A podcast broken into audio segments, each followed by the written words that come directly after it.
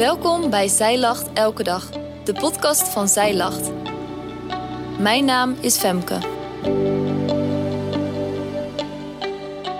Dit is de overdenking van 6 oktober, geschreven door schrijfster Teersa Rots. Hoe zou het leven van het volk Israël er in de woestijn uit hebben gezien? Ik stel me zo voor hoe in de aanwezigheid van God de moeders brood bakten van het manna, de mannen voor het vee zorgden en de kinderen speelden. Ze waren ongetwijfeld niet steeds gericht op de wolkenkolom.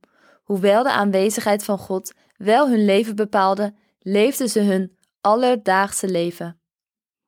Bid jij vaak om Gods leiding? Misschien wil je graag weten op welke plek God je wil hebben, of zoek je richting voor de toekomst. Het volk Israël werd dag en nacht geleid.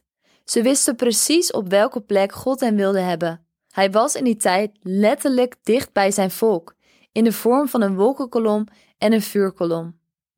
In Exodus 13, vers 20 tot 21 staat: De Heere ging voor hen uit, overdag in een wolkenkolom om hun de weg te wijzen, en s'nachts in een vuurkolom om hun licht te geven, zodat zij dag en nacht verder konden trekken.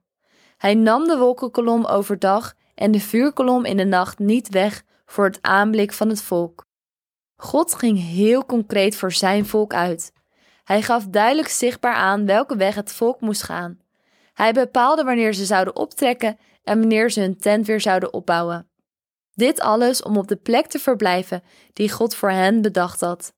Het lijkt mooi, en dat was het natuurlijk ook. Maar was het ook makkelijk? Was het comfortabel voor de Israëlieten dat ze nooit wisten waar ze aan toe waren? Ze wisten niet of ze drie dagen, drie weken of drie maanden op één plek zouden blijven.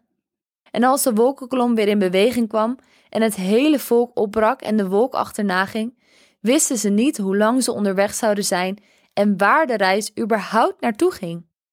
In Psalm 78, vers 12 tot 14 staat: Voor de ogen van hun vaderen had hij wonderen gedaan in het land Egypte, in het gebied van Zoan. Hij spleet de zee door midden en deed hen er doorheen gaan. De wateren deed hij rechtop staan als een dam. Hij leidde hen overdag met een wolk, de hele nacht met een lichtend vuur.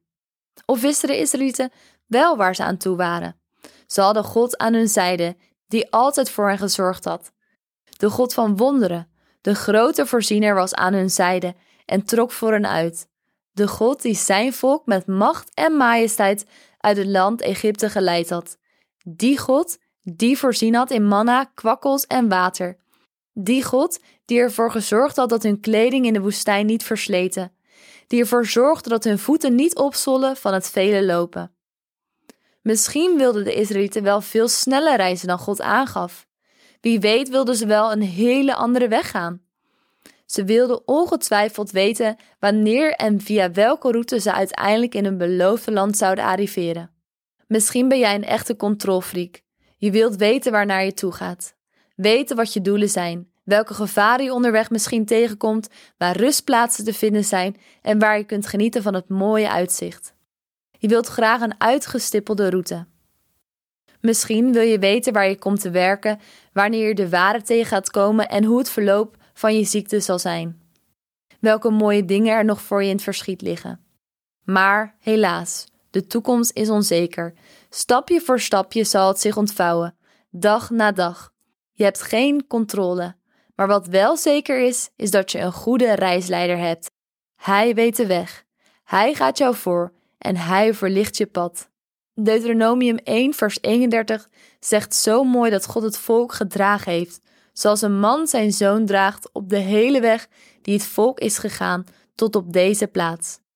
Als de toekomst je bang of onzeker maakt, kan het helpen terug te kijken op de weg die je al gelopen bent. Om te ontdekken dat God er al die tijd was en al die tijd voor je heeft gezorgd. Sla je ogen op naar omhoog. Je mag erop vertrouwen dat Hij je zal blijven leiden. Dankjewel dat jij hebt geluisterd naar de overdenking van vandaag.